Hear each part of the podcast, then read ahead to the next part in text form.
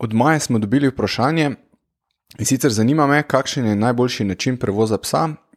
Gre za deset tednov starega mladička z novim lastnikom. Mladiček se še nikoli ni vozil z avtomobilom in ne pozna boksa. Hvala za odgovor.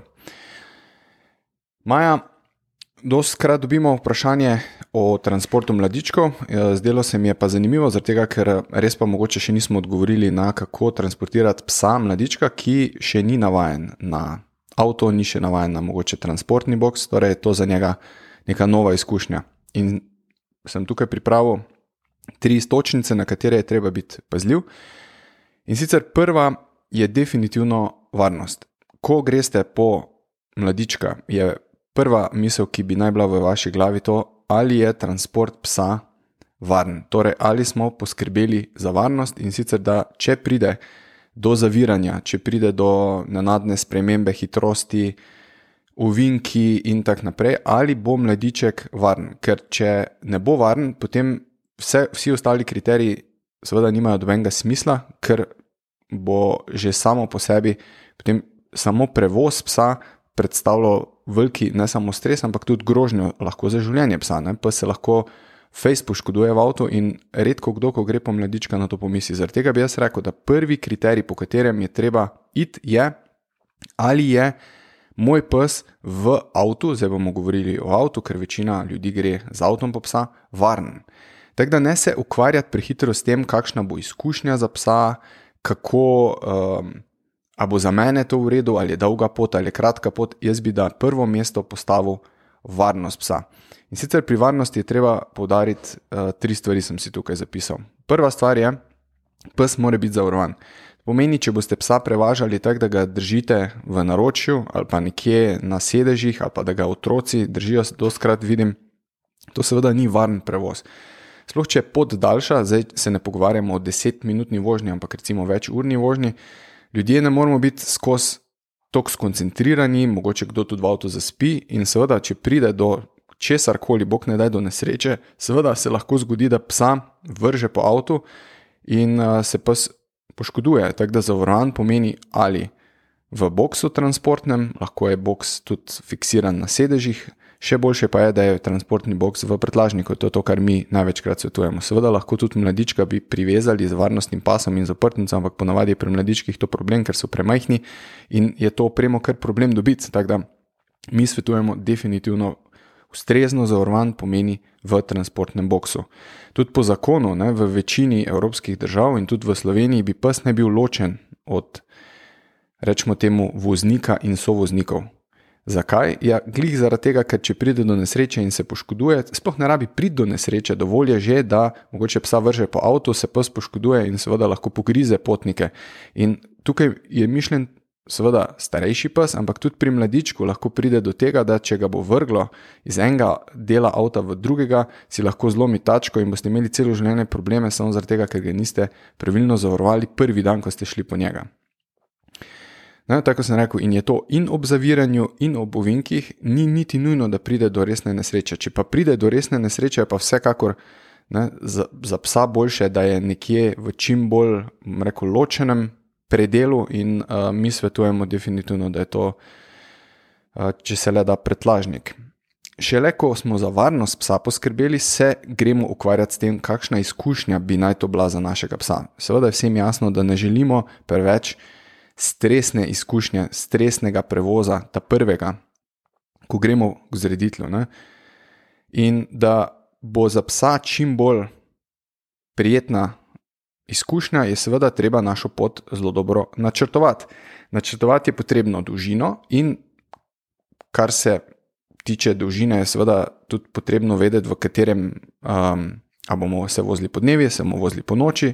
Zakaj to govorim? Predvsem zato, ker psi, mladički sploh, slabo prenašajo vročino. In če imamo mi vroč poletni dan in sredi dneva se spomnimo, da bomo zdaj psa, ne vem, tri ure iz Hrvaške peljali, seveda to že ne bo fajn izkušnja. Torej, načrtujemo vreme, načrtujemo dolžino, načrtujemo, kateri del dneva bomo psa peljali, potem predhodno načrtujemo prostor, ki ga bo imel pes, ko se bo prevažal, še enkrat mi svetujemo transportni box, ne glede na to, ali je pes na transportni box navaden že bil pri zreditvi ali ne, ta boljši zreditvi bojo navadili ne samo na transportni box, ampak bojo psa parkrat tudi dali že v avto in ga kam peljali, seveda krajše vožnje, tako da je to največkrat že pri dobrih zreditvih vsaj parkrat narejeno, če ni, bo pač prva vožnja malo bolj stresna, ampak kot smo prej rekli, pri varnosti je vedno varnost na prvem mestu. Torej, stres psa zdaj tukaj gre na drugo mesto, ne na prvo. Če daste psa v box in nikoli še ni bil v boxu in zdaj on cvili in tuli in skače, je to pač stvar, ki jo boste mogli vi in tudi vaš novi mladiček potrpeti. Um, naslednja zadeva. Pogostost ustavljanja. Če je pot daljša od dveh ur, jaz svetujem, da se ustavite, psa spustite ven, ga daste na WC, ga daste na travo, imejte zraven, seveda, ustrezno opremo, imejte fleksi, kak povodec, da ga lahko peljete normalno na sprehod in da se pes lahko sprosti.